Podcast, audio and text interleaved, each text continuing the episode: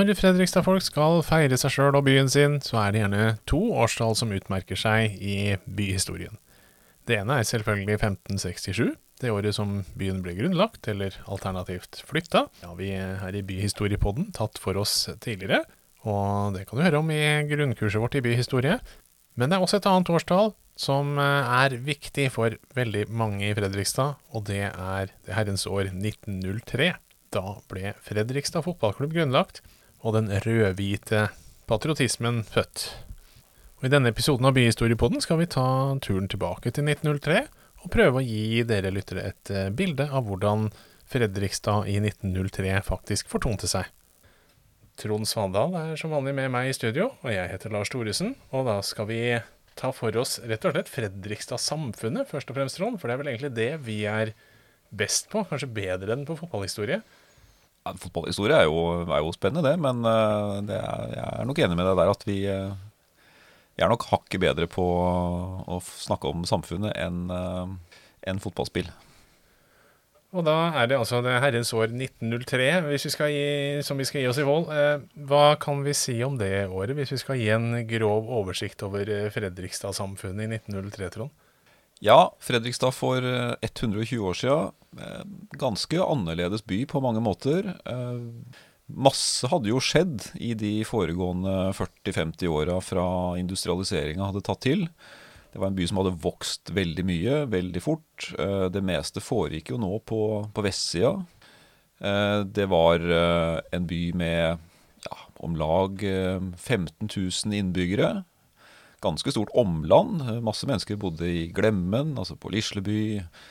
Eh, og over på andre sida på Selbakk og Gressvik, eh, rundt de store industribedriftene. Og industrien prega nok Fredrikstad veldig fremdeles i 1903, og da er det jo særlig sagbruka, teglverka og den industrien som hadde vokst fram i 1860-1870-åra. Vi begynner jo her å nærme oss egentlig litt slutten av sagbrukstida. Ehm, for den eh, er jo litt på hell, men Fredrikstad er stadig vekk en blomstrende by.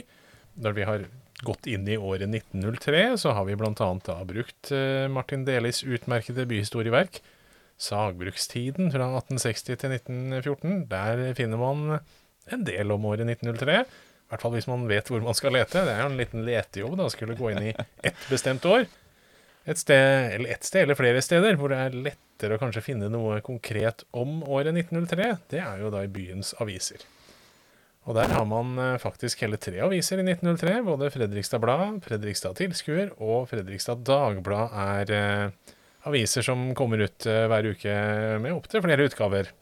Og som eh, selvfølgelig da er ganske typiske for sin tid, med litt politisk tilhørighet og eh, ganske, skal vi si, friske uttalelser om eh, politiske meningsmotstandere og andre motstandere av forskjellige slag. Det man sa fra om hva man, hva man mente på den tida her, så er det ganske ja, Lokalpressen var ganske saftig uh, i 19, 1903. Uh, I tillegg selvfølgelig også til veldig mye utenriksstoff, uh, og masse vi nok ikke finner i lokalavisen i dag. Men hovedpoenget her er jo selvfølgelig å få litt fram om FFK. Det er jo i år 120 år siden klubben ble stifta, i 1903. 7. april. På Hotell Victoria så foregikk denne, denne store begivenheten. Vi skal gå inn og se litt på faktisk den avisforsiden fra 1903 som presenterer denne nye fotballklubben. Så skal vi se hvor opptatt man var av fotball allerede i 1903, for det her var eh, selvfølgelig voldsomme greier på avisenes forsider. Eller kanskje ikke. Og Fredrikstad fotballklubb stifta 7. april, men eh, vi må helt til 14. april i 1903 for å finne de store nyhetene om stiftelsen, fordi denne stiftelsesdagen i 1903 den var midt i påskeuka var vel tirsdag i påskeuka. Og derfor er det da tredje påskedag, 14. april 1903, at vi får de store nyhetene slått opp. Og her sitter eh, Trond og jeg og ser på ganske Ja, hva skal vi si om denne forsiden her? Det er ikke, det er ikke mye FFK øverst på den uh, sida her, eh, Trond? Nei, der har det skjedd noe på 120 år. Ehm, de fikk jo, eh, de jo førstesideoppslag, da. Men eh, sammen med veldig mye annet må jo si det er ganske fascinerende med en stor del av forsida som faktisk går med til å ramse opp hele skatteligninga i lille Rødnes kommune. Ja, men da er vi brått eh, bortimot Ørje og Haldenvassdraget. Ja, eh, hvor stor interessen i Fredrikstad var for å lese den, det kan, jo, det kan vi jo tenke litt på. Men eh, den fikk nå altså en stor plass på forsida. Stor plass på forsida. Dem som lurer på hvem som eh, betalte mest skatt i Rødnes i 1903, det er da eh, kan vi jo ta med, for det er faktisk Sagbruksforeningen i Fredrikshall, altså Halden, som er den største skattyteren i Rødnes i 1903. Eller da i 1902, må vel eh, regne med kanskje at det kan være tall for. Vi får se litt nærmere på det. Men eh, Stangeskovene er også noe man, eh, mange kjenner til i Halden-området. Og så tror jeg ikke vi skal lese opp alle eh, Krog og Olsen og Degnes og andre som står på lista her, men Jeg tror det har ganske begrensa interesse både i dag og i 1903. det, det kan jo være at det hadde begrensa interesse i 1903. men Noe skulle man tydeligvis fylle avisene med. Det, men den, den syns jeg var litt original, så for oss som sitter i dag og skal se på tenke på Fredrikstad fotballklubb som det viktigste i verden osv., så, videre, så eh, så er kanskje ikke skatteligninga i Rødenes eh, det man eh, først og fremst venta å skulle dominere forsiden framfor grunnleggelsen av fotballklubben. Så er det diverse andre nyheter fra verden rundt omkring. Litt annonser og litt forskjellig. Og så er det da et eller annet sted nede på siden så kommer da Bynytt. En liten, liten notis som eh, sier noe om stiftelsen av eh, fotballklubben. Og da er det altså eh, for en, den tirsdag 7. april ble da denne fotballklubben stifta som eh, formann. Viseformann, sekretær, kasserer og bestyrelsesmedlem valgtes henholdsvis Halvdan Kristiansen, Julius Ski, Reidar Berg, Alf Jacobsen og Leif Eriksen. Klubben har med det første tenkt at begynne sine øvelser. Det var da den lille notisen som kom. Ikke, ikke veldig fargerikt, ikke veldig utsvevende. En nøktern notis om eh, fotballklubbens eh, oppstandelse i Ikke oppstandelse, men eh, opphav i eh, 1903. Ja, og da var det jo Da var det i gang. En av de første fotballklubbene i landet. Til og med før Sarpsborg. Til og med før Sarpsborg, en måned cirka før Sarpsborg. Det det var det absolutt. Så det kan vi jo trøste oss med. Men man oppfordra jo faktisk senere til stiftelsen av Sarpsborg, for man trengte jo noen å spille mot.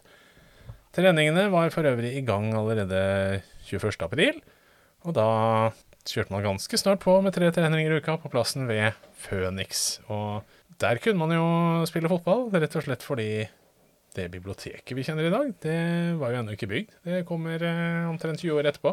Så Nei. bygger man bibliotek på den plassen. Så Der var det en stor så- åpen, eh, stor åpen slette. ja, så da kan man spille fotball, og det var, mange, var vel i det hele tatt ganske mange åpne sletter man kunne bruke til mye i Fredrikstad på den tida her. Eh, tror jeg nok eh, vi også kan eh, konstatere når vi skal se litt på hva som eh, rører seg rundt i Fredrikstad-samfunnet i 1903. Ja, for byen var jo eh, Vi må jo si at den var en god del mindre enn det den er eh, nå. Det var store, åpne områder. eh, Nesten jordbruksland helt inne i sentrum. Og selv om det var en åpen plass som vi kunne bruke til fotball på, ved Phoenix, så var jo hele området øst for Kirkeparken stor åpen slette. Så det var mange muligheter til å finne steder å spille fotball. Absolutt, men uh, fotballen var jo heller ikke, det var ikke noe så stor masseidrett i Norge ennå. Man har gjort noen forsøk på å starte fotballklubber tidligere. Ynglingeforeningen og flere har i, forsøkt seg på det. Men fotballen er foreløpig en forholdsvis ny idrett i Norge.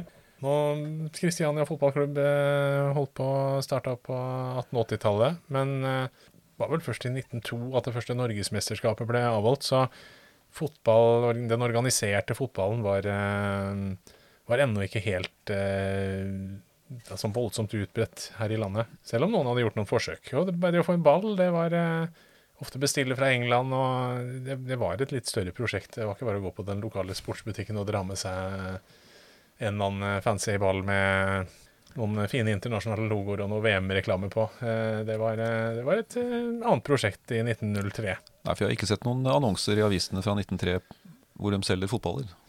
Nei, det er kanskje ikke så rart heller, for hvis vi ser på fotballen som idrett, eller idrettsbevegelsen generelt, så er det foreløpig noe som eh, først og fremst er litt overklasseprega i Norge. Eh, det er ikke en sånn voldsom arbeideridrett ennå i 1903. Så det er nok mange med litt tilhørighet til den Fredrikstad høyere allmennskole og litt forskjellig som er med blant disse stifterne og de første som engasjerer seg i fotballklubben. Etter 1919, eller fra 1919, så får man åttetimersdagen eh, i arbeidslivet. Og da blir det også mer fritid og mulighet for flere folk til å engasjere seg i idrett. Så idrett eh, var nok eh, sett på som litt eh, sossete, enten du prøvde deg på fotball eller eh, i turnforeningen, roklubben, det fantes en låntennisklubb og litt forskjellige i Fredrikstad-perioder her. Så uansett hvilken av disse idrettene du engasjerte deg i, så var nok det litt mer uh, fiff-prega, uh, må man vel kunne si på den tida her. Og er kanskje også et uh, uttrykk for det at de nettopp starta på denne plassen uh, ved Phoenix på Cisniong, som jo var uh, borgerskapets bydel i, i, Fredrikstad. Og så flytter du etter hvert da, til, til gamle stadion på Holmen. Det sier kanskje også litt om utviklinga av fotballen i, i, Fredrikstad, som en massebevegelse og som en, etter hvert en arbeideridrett. Ja, dit kom man jo først drøyt ti år senere omtrent, til Holmen. Men når man da senere skulle spille kamper Vi kan ikke ta så veldig mye om det, men, vi, men da er det jo faktisk på østsida man drar. Der er det jo en idrettsplass som kan egne seg ved siden av Kongsten fort, som det militære da har tilgjengelig. Da spiller man kamp. det gjør man etter hvert når man kommer ut i 1904, men da må man jo ta med seg målstenger og rydde banen sjøl, og man må liksom sørge for at det er eh, ryddig etter at man har spilt kamp en dag, for de militære skal jo bruke denne plassen igjen neste dag, så man kan ikke drive og la det stå igjen målstenger og eh, annet utstyr man trenger til kampen. Det, det må man ta med seg.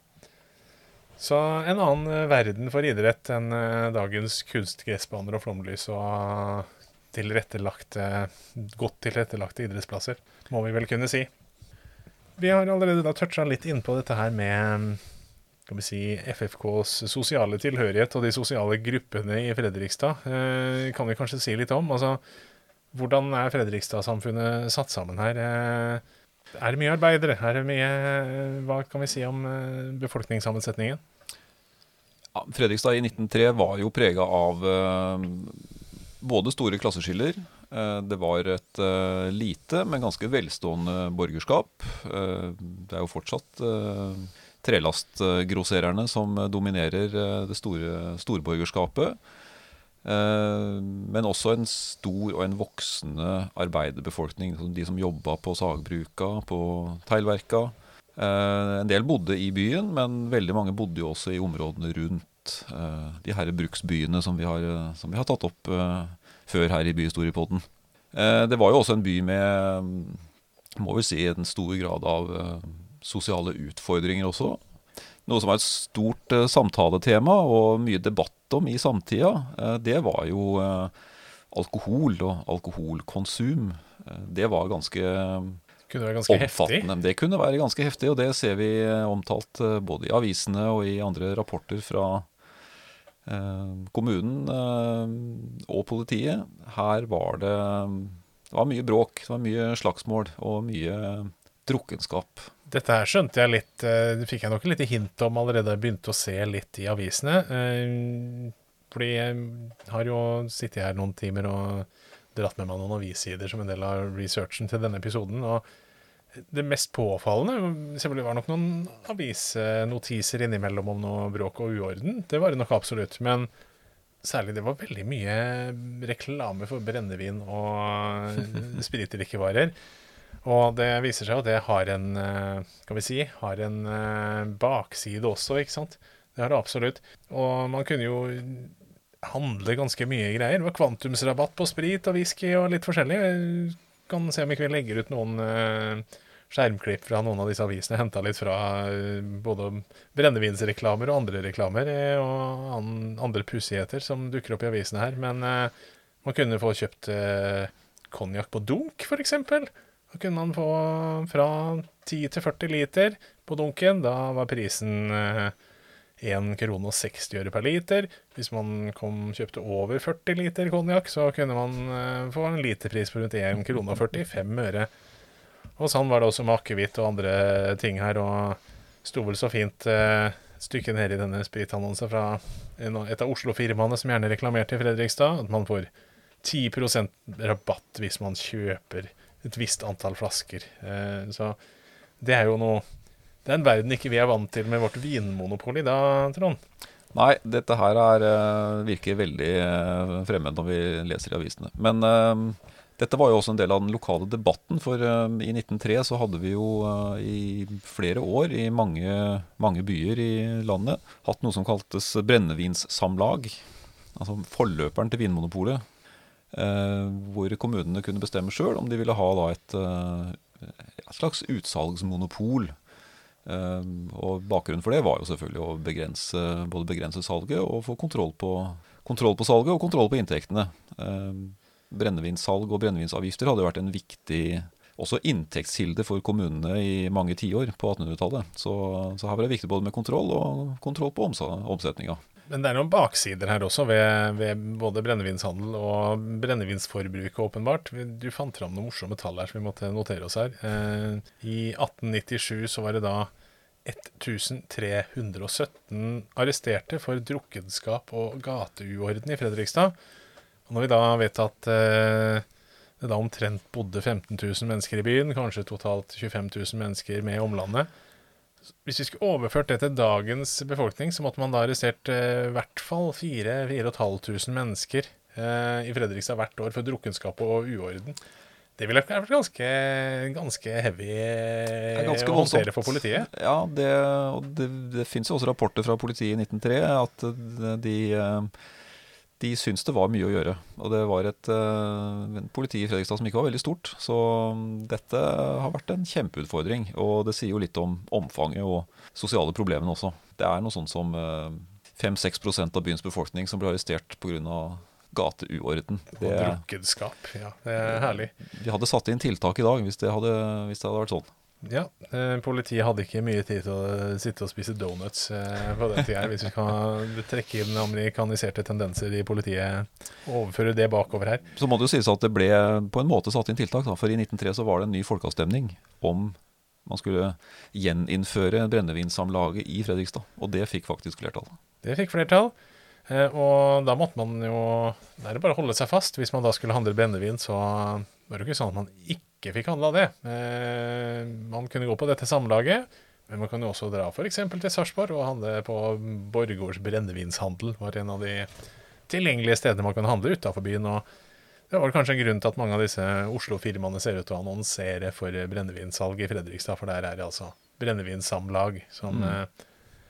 Eh, som eh, sikkert en del har et ønske om å omgå og handle ting andre steder i stedet. Det var litt om eh, sosiale forhold. Det er noen sosiale utfordringer, i tillegg til at man har en, si, en ganske mm, sterk plankeadel, som er eh, disse trelasthandlerne og de som er tilknytta det øvre sjiktet der. Så, så, har man altså en stor arbeiderklasse som eh, nok kan bidra til å gi politiet nok å gjøre. Hvis vi skal gå videre over til eh, litt politikk, da, når vi setter litt på noen av de sosiale forholdene her, så er det jo Med tanke på alle som ble arrestert for drukkenskap, eh, så er det jo litt pussig at de politiske forholdene er, eh, er, litt spesielle sånn sett. Fordi Fredrikstad er en veldig konservativ by i 1903. Fredrikstad hadde jo alltid vært en konservativ by, i hvert fall så lenge partiene hadde eksistert. Og de hadde jo eksistert en 10-15 år før, før 1903. Eh, vi tenker jo på Fredrikstad som en, en, arbeiderby, og arbeiderklassen var stor. Eh, men eh, fremdeles i 1903 så hadde ikke den politiske arbeiderbevegelsen etablert seg, i hvert fall ikke inn i byens styre og stell. Man hadde jo fått allmenn stemmerett på den tida her, for menn, vel å merke, og også for kvinner i kommunale valg. Eh, det skulle enda gå ti år før eh, kvinner også fikk stemmerett, eh, allmenn stemmerett til stortingsvalg. Så her har man da faktisk stemmerett for alle arbeidere, sånn egentlig. Så har man jo det. Men, men ikke Det gir seg ikke så store utslag i praktisk politikk og hva man faktisk stemmer på, åpenbart. For det er ikke så voldsom Arbeiderparti-oppslutning her ennå. Nei, i 1903 så var det enn så lenge ikke det. Og partiet Venstre var heller ikke et veldig stort parti i Fredrikstad, det var eh, fremdeles partiet Høyre. Og de skulle jo sitte med makta til godt ut på 1920-tallet. Og overskriften som vel står i Delis byhistorie om det politiske livet i Fredrikstad, er rett og slett at Høyres borg er steil at storme. Så det er mange blant venstrepolitikerne og andre som syns det går eh, seigt å eh, få vippa Høyre ned fra maktens eh, tinder her, altså. Ja, men s- samtidig så er jo også 1903 et eh, år med si, Det er jo en veldig politisk tid, eh, og veldig dramatisk tid i norsk sammenheng også. Vi er jo midt inne i eh, unionsstridighetene, og denne berømte konsulatsaken rulla jo og gikk i Stortinget, og skulle jo lede fram til unionsoppløsningen i 1905. Men det var nok ikke det som var de store lokale debattene i Fredrikstad, selv om jeg tror mange var opptatt av unionen. Eh, Vi var jo også en gammel eh, festnings- og garnisonsby, så, så det er klart eh, en- strid og kanskje krig med Sverige, unionspartneren, det var nok noe som ble tenkt på også i Fredrikstad i 1903. Og det politiske konservative Fredrikstad det speiler seg også inn i disse avisene nevnte i stad. Vi kan jo nevne kjapt litt om det, fordi noen savner kanskje Demokraten blant disse avisene her. For I stad så nevnte jeg da at Fredrikstad Blad eh, eksisterte. Det er en, det er en høyreavis. Vi hadde Fredrikstads Tilskuer, som også er en noen høyrevridd avis. Og så har vi Fredrikstad Dagblad, som er en venstreavis. Det er ikke så mange igjen av i dag, men derimot så har det kommet en del sosialistaviser i vår moderne verden. Og den har ikke kommet ennå i Fredrikstad i 1903. Den kommer tre år senere. Den kommer vel i 1906. Da kommer Smålenenes Sosialdemokrat, som er forløperen for dagens Demokraten. Det sier jo også litt om kanskje stillingen til arbeiderbevegelsen, at man ikke ennå har klart å få fått i gang sin egen avis ennå. At det, det er litt i startgropa, denne, denne oppblomstringa for arbeiderbevegelsen sånn politisk sett i Fredrikstad. da. Ja, og der eh, skulle det jo selvfølgelig komme store endringer. For det ble jo en, eh, etter hvert en stor og veldig sterk og dominerende bevegelse i byen. Men ikke i 1903. Ikke i 1903. Og det, det, jeg skal nevne litt bare hvordan disse politiske spenningene står. da. Det er jo da Venstre som egentlig utfordrer Høyre først og fremst i Fredrikstad på den tida her. Men de når jo bare halvveis opp på Høyres eh, oppslutning omtrent. Det er kanskje en tredjedel eller noe som stemmer på Venstre. Og så er resten veldig mye på Høyre. Fredrikstad Dagblad sukker og stønner litt her i eh, her før eh, valgene til Stortinget i åra før 1903 her, fordi de kunne ønske seg, da når den gamle, gamle stortingsrepresentanten skulle gi seg, så kunne de tenke seg å få en litt rimelig kar. De ønska seg en doktor Giebelhausen, men da kommenterer Fredrikstad Dagblad ganske tørt at han var vel en altfor rimelig mann til å kunne representere Fredrikstad. Til her må man ha en riktig pokkerivoldsk høyrekar med skylapper på. Det er eh, dette hjertesukket fra, fra Venstreavisa Fredrikstad Dagblad, som eh, ikke er veldig imponert over kandidatene som Høyre trekker opp av hatten når de skal eh, finne en ny stortingsmann til byen. Saftige kommentarer i lokalpressen der, altså. Friske fraspark, og da ender man i stedet med PC Solberg, som er en av disse store trelastkarene i Fredrikstad på den tida her, som er byens eh, stortingsrepresentant. Og det er stadig vekk disse trelastaristokratene som eh, bekler den posisjonen. Hvis vi skal se litt videre på Fredrikstad styre og stell og sånn i 1903, så er det jo faktisk denne nevnte Giebelhausen, da, som ikke fikk æren av å bli byens stortingsrepresentant, men som da tjenestegjør som ordfører, så han var ikke helt uten makt, eh, denne Giebelhausen. Hvordan er det ellers med styre og stell i Fredrikstad i 1903, Trond? Hva kan vi si om det? Ja, Det skjer et ganske interessant eh, skifte faktisk i byens eh, styre det året. Da fikk Vi kan vel egentlig ikke si byens første borgermester, for det var en eh, gammel tittel som hadde vært der før òg. Men eh, i 1903 så innføres da eh, borgermesterembetet, som senere blir kjent som rådmann. Da gikk man bort fra å ha en magistrat eller en, en byfogd som på en måte var statens mann i byen, til å da få en kommunal borgermester. Og det er jo et, ja, det var et viktig sånn formelt skille da, i hvordan byen ble styrt. Litt sånn trøtt historienerding, men eh, Ja, men, eh, absolutt. Men, Men, eh, eh, men, ikke, men ikke uviktig. Det var noe nytt i 1903. Og mange kan vel irritere seg over rådmann fortsatt i dag, så det, det ble innført i 1903, det òg. Så 120 år med rådmann kan vi feire i år. Det, Kanskje det, det, kan, det kan feires. Hvis vi skal se litt mer på ikke bare styre og stell, men også på økonomiske forhold i byen vår, industri og næringsliv. Hva Trelastnæringa eh, kjenner vi ofte til, men hva slags annen industri og næringsliv er det vi finner i Fredrikstad i 1903? Ja, Verftsindustrien var jo i ferd med å vokse eh, i Fredrikstad. Um, FMV selvfølgelig, med den, det som skulle bli den store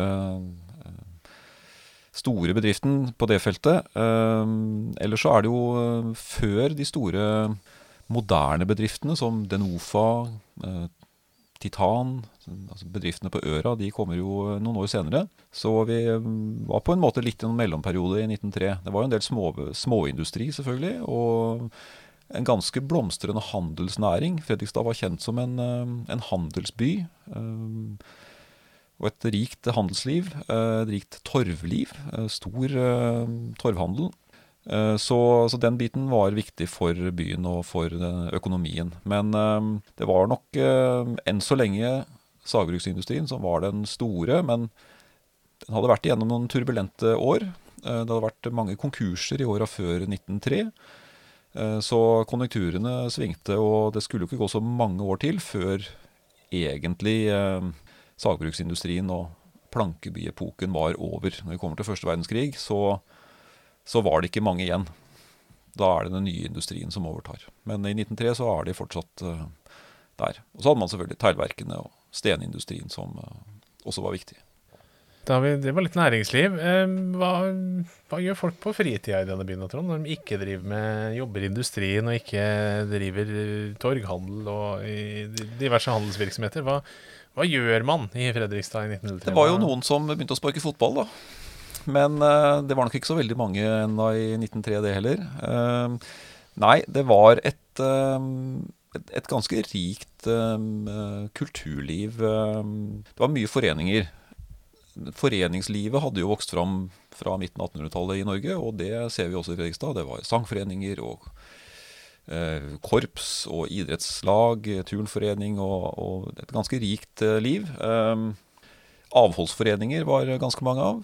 Det kan du skjønne litt fra det vi nevnte i stad, med alkoholkonsumet. Og et religiøst liv som var, eh, som var ganske rikt. Mye menigheter og, og ulike foreninger der.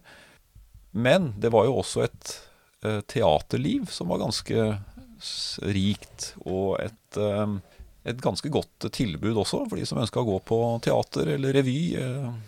Det var nok varierende kvalitet. Noe var nok mer høyverdig, og, og noe var mindre.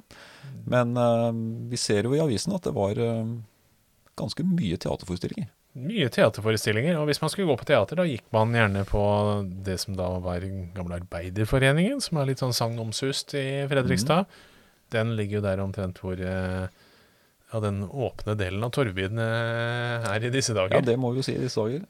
Gamle Domus. Gamle Domus, rett og slett. vi spiller jo dette her eh, akkurat når halvparten av Torvbyen er stengt. Så det er stadig vekk drama i området der med bygninger. Arbeiderforeningen ble jo revet en del år senere eh, og måtte gi eh, plass til handel og andre ting. Men eh, det er altså byens storstue, utvilsomt. Ja, det var det. Um, stor scene innendørs og også utendørs i en såkalte Tivolihaven.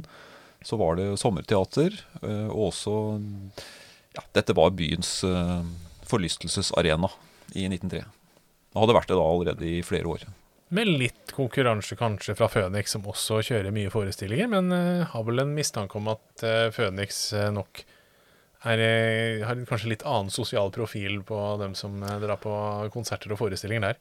Ja, det var nok to ulike sosiale lag som gikk på de to stedene.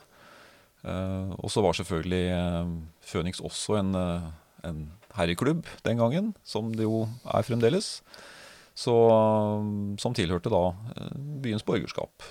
Arbeiderforeningen var, var jo for alle. Arbeiderforeningen hadde litt, kan vi si, en annen sånn sosial profil enn Phoenix, absolutt. Men, men, jeg tenker jo eh, Jeg ser, har sett en del av disse annonsene for ting og tang som skjer da, i 1903 og tida rundt der. Så er jo av og til litt religiøse møter og litt forskjellig også som er, holdes i uh, Arbeiderforeningen. Så den tiltrekker seg jo flere folk fordi den faktisk, forskjellige typer folk fordi den faktisk er så stor. Altså, skal man ha et større arrangement, så er det der man må ha det.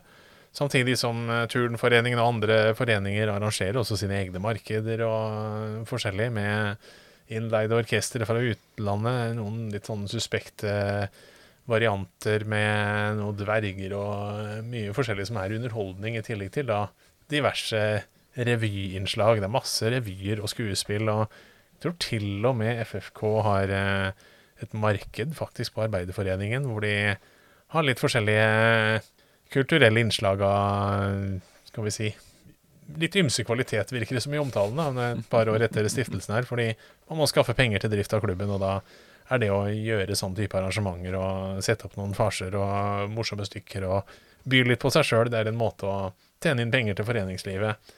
Da som nå, kanskje. Jeg vet ikke hvor mange FFK-spillere som i dag stiller opp på revyer, men det er, en, det er noe en helt annen sak. Kan ha endra seg litt uh, fra 1903. Man får vel kanskje litt mer betalt for å spille fotball i dag også. Så. Man gjør nok det. Ja, Trond. Eh, nå har vi sett litt på både økonomiske forhold, kulturelle forhold, litt politi politiske forhold og litt det sosiale med byen her. Men eh, hvis vi skal begi oss ut på en liten tur gjennom Fredrikstad, hvordan ville den turen arte seg eh, i 1903? Hva ville vi oppleve å se? Ja, den, det er jo en by som nok ville vært gjenkjennelig på mange måter. Bydelene er jo de samme. Uh, gamlebyen hadde jo ligget der og så relativt lik ut. Uh, vel å merke, der skjedde jo en stor endring i 1903. 25.6 det året så blir jo faktisk festningen nedlagt som festningsverk. Uh, det endra jo ikke utseendet på byen. Hvis vi starta i, i gamlebyen og skulle da vandre gjennom Fredrikstad, så måtte vi jo komme oss over elva. Og da hadde vi jo flere muligheter. Du kunne ta en ferge som gikk over. Den har jo lange tradisjoner. Eller så kunne man ta den såkalte trippen, trippebåten. Som var en uh, båtforbindelse fra dampbåtforbindelse da, fra Fredrikstad, fra Dampskipsbrygga, og via Gamlebyen, og som gikk da opp uh, helt til uh, Sandesund. Med veldig mange stoppesteder oppover. På Lahelle og Selbakk og Nøkleby og Torp. Og var en veldig viktig forbindelsesåre dette her er jo, må vi jo minne om at dette er lenge før vi får noen broer over Glomma. Så her er man avhengig av eh, elva for å komme seg fram og ja. tilbake. Og transport langs vann, eller på vann, det er veldig, en veldig sentral del av bylivet i Fredrikstad på den tida her. På en helt annen måte enn det er i dag. Ja, og det var jo uh, veldig mange båtruter til og fra Fredrikstad også. Damp, uh, dampbåtforbindelser enten til til eh, hovedstaden, til Kristiania. Man, ta, man, måtte jo ta dampbåt til Gressvik eller ut til Hvaler eller over fjorden. Eh, trafikken på elva var veldig stor, i tillegg til selvfølgelig all transporten som foregikk på elva, og alle skutene som uh, lå og skulle laste trelast og teglsten og alt, alt annet som foregikk ved industrien oppover langs elva. Mm. Fant fram et par, måtte ta et par eksempler med her også. DS Carl f.eks. kunne man ta hver onsdag lørdag. Så gikk den fra Fjellkilen klokka åtte om morgenen, og anløp da Stensvik og Langøya på vei til Vestsidens Torv. Så, eh, ellers så kunne man ta noen andre båter her også. Gikk båt til Tønsberg og til Sverige og litt forskjellige steder. Så dette med båter alle mulige rare plasser, eh, inkludert hovedstaden, det, det var jo eh, en sentral del her. Men vi kan jo kanskje ta den enkleste veien, rett over elva. Og da kommer vi over på vi er fortsatt nesten i festningsverket når vi kommer over. I ja, hvert fall hvis jeg er før 25.6. Det er vi faktisk. Eh, da kommer vi over til, eh, til fergested på, på Cicignon. Og der kommer vi jo da akkurat til eh, ytterkanten av det gamle Cicignon-fortet. Som var anlagt på vestsida på 1670-tallet som et, ja, den, den, nordlige delen av festningsverkene. Selvfølgelig for å beskytte Fergested, og for å beskytte da mot angrep fra, fra nord. Sissinjongfortet er jo borte i dag. Det blir revet uh, i 1912. Uh, der lå det to små bastioner innafor det området som vi kjenner som Tollboplassen. Altså denne sletta som, som, ligger der nå. Der var det et, et festningsverk. Og det lå der fremdeles i 1903. Et lite hus lå også i den nordre bastionen. Det var et, en gammel vaktstue som også var brukt som badehus. Så det kunne vi jo ha benytta oss av. Kanskje litt kaldt i, i, begynnelsen av april hvis vi hadde vært der da. Ja, det eh, er vel kaldt eh, generelt hver april, og nå spiller vi dette her i et år hvor mange klager på at det er veldig kaldt og surt. Så er sikkert ikke veldig morsomt å bade i elva i 1903 heller. Nei, det var det nok, eh, var det nok ikke. Men uh, skulle vi komme oss da til byen, så var det jo et lite stykke å, å gå. Eventuelt så måtte vi bli transportert annen måte, og da, da var det med hest og kjerre i, i, beste fall. Hest og kjerre i beste fall, ja. Det var jo det. Det er klart det kosta litt å ha en hest en gang nå, men uh, det er jo transportbildet man har. Biler er ennå en fjern eh, framtid. Vi kunne jo selvfølgelig da, hvis vi skulle dra litt lenger av gårde, så kunne vi jo gå litt opp i bakken her og, eh, fra ferjested og ta til høyre og komme bort til jernbanestasjonen, for den er jo der. Toget kan man jo ta både, både inn mot Oslo og opp mot Sarpsborg, og det er jo flere stoppesteder mellom Fredrikstad og Sarpsborg og videre inn, inn på linja mot Oslo også enn det er i dag. Så toget var absolutt en hensiktsmessig transportmåte. Så ikke kunne man jo kjøpe seg en hest, f.eks. Eh, I en av disse avisene fra Vård 1903 så fant vi fram eh, kan man kjøpe en feil eh, og lytefri hest på fire og et halvt år. Passende som tjenestehest til salgs L. Michaelsen på La Hellemoen. Så det er mulig den er solgt nå. Hesten lever antageligvis ikke lenger heller. Men, men uh, ganske vanlig med ja, rubrikkannonser for hester og andre ting som vi ikke tenker på i dag. Men uh, det kunne jo gjøre turen vår litt mer behagelig. Men vi skulle kanskje heller ta på oss uh, flosshatten og frakken og kle oss litt stilig, Trond, for vi er jo på vei inn egentlig inn i byens beste strøk når vi går opp Feiristedsveien her. Ja, det er vi jo. Da var det jo Det var jo egentlig én hovedvei, og det var Feirstedveien. Som jo egentlig er den gamle kongeveien fra Fredrikstad mot Kristiania. Der hadde vi nok kjent oss ganske godt igjen. Det lå noen store eh, grosserer, trelastgrosserervillaer. Ellers så var det jo også en del mindre hus, eh, arbeiderbebyggelse, også da i ytterkanten av dette Cisneongfortet. Og en del av den trehusbebyggelsen er jo den samme der i dag. Så gikk vi jo da ned til eh, Føniks og Metodistkirken. Velkjente steder i dag også. Og kom da til, eh, til Kirkeparken. Så akkurat langs Feirsteveien så hadde vi nok eh, kjent oss ganske godt igjen, også i 1903. Men ikke dette sykehuset, disse store sykehusbygningene som holder nå på å bli boligblokker, dem hadde ikke vært der. Der hadde det vært noen hyggelige trevillaer der òg? Der lå det noen trevillaer, og ellers så var det et eh, ganske åpent område nord for, nord for Feirsteveien. Den lille fjellknausen der hvor sykehuset etter hvert ble bygd, den lå der ganske åpen fremdeles. og også ganske store åpne områder mot, uh, mot jernbanen og opp mot gamle St. Croix hovedgård. En, bet en, betegnelse på Fredrikstad på den tida var den lange, smale byen, egentlig? Ja, og det var nok et godt bilde på byen òg. Ganske langstrakt fra, fra ferjested og helt opp til Holmen. En par, par, veier, egentlig, bare et par gater. Så etter hvert så kom vi jo til Nygårdsgata og Storgata. og Eh, byen klamra seg jo egentlig litt inn til Vesterelva. Veldig tett på Vesterelva. Da går vi videre innover i litt mer eh, strøk hvor det er eh, variert handel, og kanskje vi kan ta en sving om innom Arbeiderforeningen og se om det er noen festlige forestillinger på gang? Ja, og den store handelsbyen lå jo der som sentrum er i dag også, rundt Stortorvet, i Nygårdsgata, og Storgata. Ehm, veldig mye torvhandel foregikk jo på, på Stortorvet, og en del også på Høytorvet. Men si det, handelsmessige sentrum i Fredrikstad det, det har ikke endra seg så veldig mye fra, fra 1903. Men selvfølgelig en del av bebyggelsen har nok eh, forandra seg ganske mye. Det var en by fremdeles prega av uh, halvannen toetasjes trehus noen få murhus, som Arbeiderforeningen f.eks., som var en stor, stor, murbygning. Men ellers så var det trehusbebyggelsen, og i stor grad så var det bebyggelsen som var gjenoppført etter den store brannen i forstaden i 1837, som fremdeles sto. Også i området nord for Torvet. Da var det jo en kjempestor bybrann i 1908.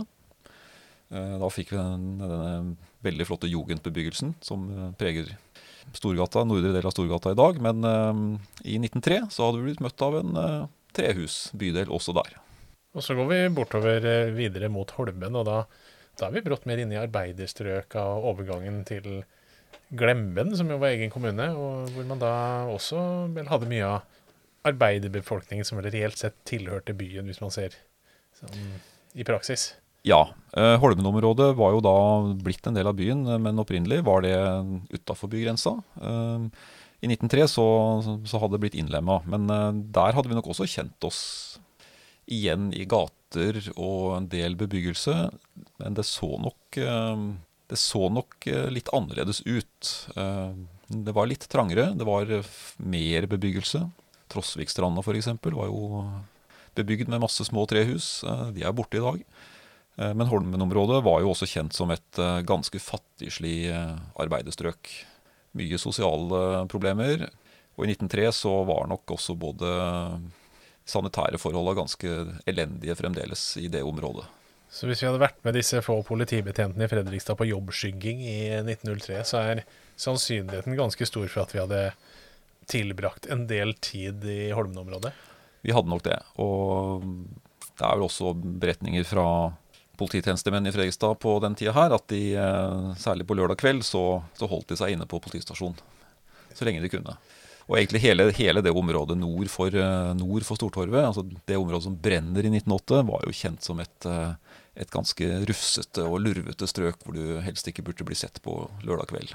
Så her kunne du finne litt uh, gledeshus nesten, og litt, ikke bare Her sprit. Fantes det gleder i eh, forskjellige, form, forskjellige former og i rikt monn. Det var et, eh, ja, det var et eh, ganske berykta område av byen. Og hadde også et rykte utafor Fredrikstads grenser. Det er eh, noe å tenke på når vi går igjen med en ganske idyllisk eh, del av byen med koselige trehus i dag. At det en gang kanskje ikke har vært så forferdelig idyllisk. Det har vært mer forferdelig enn idyll. Ja, det så veldig, så veldig fint ut. Det er godt dokumentert med fotografier det området her. Så, men eh, som sagt, det, hele det området brant jo da i den store brannen i 1908. Men ok, Trond. Jeg, vi, vi kjøpte ikke den hesten på Harlemoen her i stad. Men jeg er litt sliten. Jeg jeg tenker meg kanskje å se litt mer av byen kanskje fra elvesiden. Kanskje vi skal finne oss en båt og eh, dra litt oppover elva og se hva vi kan finne der. Eh, Hvor skal vi gå da for å finne trippebåtene? Nei, da må vi nok komme oss ned mot eh, Dampskipsbrygga igjen. Og der lå da kontorene til dette dampskipsselskapet Tripp. Og der eh, gikk eh, trippebåten, eh, som kunne da tatt oss helt opp til, eh, til Paddekommen, Sandsund. Hvis vi ikke drar så langt, men begynner å seile litt eh, utover langs elva, hva vil vi se langs elva når vi begynner å putte det bortover mot Sissingjong her? Altså, hva, hva, hva ser vi fra båten her? Ja, Det første som nok eh, ville slått oss, eh, var nok hvor mye virksomhet det var langs elva. Altså Her var det industri. Det var, eh, det var selvfølgelig FMV som vi ville sett. Vi ville sett Glommens mekaniske verksted på Kråkerøy. Vi ville sett de store kullbodene på, ved brygga der hvor omtrent der som Kråkerøybro er i dag. Så det som da senere fikk den berømte, det berømte navnet Kølatomta, Kølatomta. det har jo hengt igjen helt til våre Det dager. Eh, Men vi ville jo også, ja, omtrent der som Kråkerøybrua går, opp, eh, går over i dag, så ville vi også ha sett Victoria hotell. Altså det gamle Victoria hotell. Som brant litt senere. Ja, og hvor eh, Fredrikstad fotballklubb ble stifta i 1903. Ja. Det var jo egentlig en gammel, stor, eh, flott eh, hovedbygning på gården Ny Nygård. En eh, flott ampirbygning fra tidlig 1800-tall som, som, som du sier, den brant på 1930-tallet. Men den ville vi sett i 1903. Og så ville vi jo passert Isegran og Sissinjong-området og Sissinjong-fortet og sett gamlebyen og festningen, som, som ikke har endra seg så mye. Men vi ville jo ikke sett så mye på Sissingjong. Altså disse flotte villaene. Noen kjenner jo den hele rekka hvor bl.a. Bispegården og flere av disse Mm. enorme teglsteinsvillaene langs elva der, dem ville vi ikke sett, for dem kommer litt senere. Nei, de var ikke bygd. Så der, eh, hele det strøket fra omtrent der hvor biblioteket ligger i dag, opp til, til eh, Fergested, der eh, ville da dette fortet fremdeles ha ligget og tatt eh, stor plass i bybildet. Og hvis vi hadde tatt turen litt utover eh, utover mot langs Kråkerøy her og eh, mellom Kråkerøy og Øra, og for å se på industrien på Øra, så ville vi jo heller ikke funnet den, for den er også Der ville vi kommet ennå. ikke funnet eh, noe som helst. Der ville vi sett eh, bebyggelsen på Vaterland, og etter det så var det bare store, åpne elveslettene ut mot eh, mot eh, vannet, mot eh, eh, denne lille fjellknausen som het Habborn. Og den eneste virksomheten som var der ute i 1903, det var eh, at Forsvaret brukte det som eh, eh, artilleriøvingsfelt, altså skytebane for kanoner. Ja, Så ikke så mye å hente den veien. Hvis vi derimot svinger andre veien og tar båten videre under Fredrikstadbroa, som ennå ikke har kommet, hva vil vi se langs elvebredden der? Hva, hva møter oss når vi tar turen oppover elva? Det vi nok ville først og fremst lagt merke til, det var nok en masse master fra seilskuter og fabrikkpiper. Tett i tett. For her lå jo sagbruka og teglverka mm, på rekke og rad på begge sider av elva oppover. Eh, vi hadde jo passert eh, Kjærsbruk, nantebruk, Narntebruk, teglverka på Nabbetorp. Eh, vi så mot Sorgenfri-verket. Og hele veien oppover så lå det jo da svære industribedrifter. Og alle de lasta ut til seilskutene som lå på elva. Man kjørte ut til trelast eh, på prammer ut til eh, skutene og lasta det der. Så det ville vært masse aktivitet på elva. Mm. Så hvis man eh, tar Glommastien oppover i dag, så kan man jo, hvis man følger med litt nøye, så kan man jo se det står igjen en del trepåler og litt forskjellige sånne opplegg for brygger, brygger og ymse som er ute i elva der. Altså hvis man har øya litt med seg, så Det er ganske man- mange rester igjen. vet man fort hva, hvorfor det er så mye gamle bryggeanlegg og sånn der. Det har vært industrivirksomhet hele veien. Og innimellom så lå det jo bebyggelse der hvor eh, arbeiderne bodde. Enten det var på Lahelle eller eh, Selbakk, Lislebystranda, Lisleby, Nøkleby, Torpeberget. Eh, og mellom eh, de her små bruksbyene så lå jo industribedriftene. Nesten kontinuerlig oppover til, eh, til Valle og Greåker. Så dette ville vært en litt sånn støyende båttur, ikke bare fordi vi da er med en dampbåt oppover, men fordi det rett og slett er mye industrivirksomhet hele veien langs elva her. Det ville nok vært veldig mye aktivitet. eh, Og vi ville nok kjent oss igjen i eh, Fredrikstad sentrum. Men vi ville ikke kjent oss igjen hvis vi skulle reist på elva oppover. Det landskapet ville sett helt annerledes ut. Så det ville vært en veldig annerledes opplevelse å, å ta den turen oppover elva.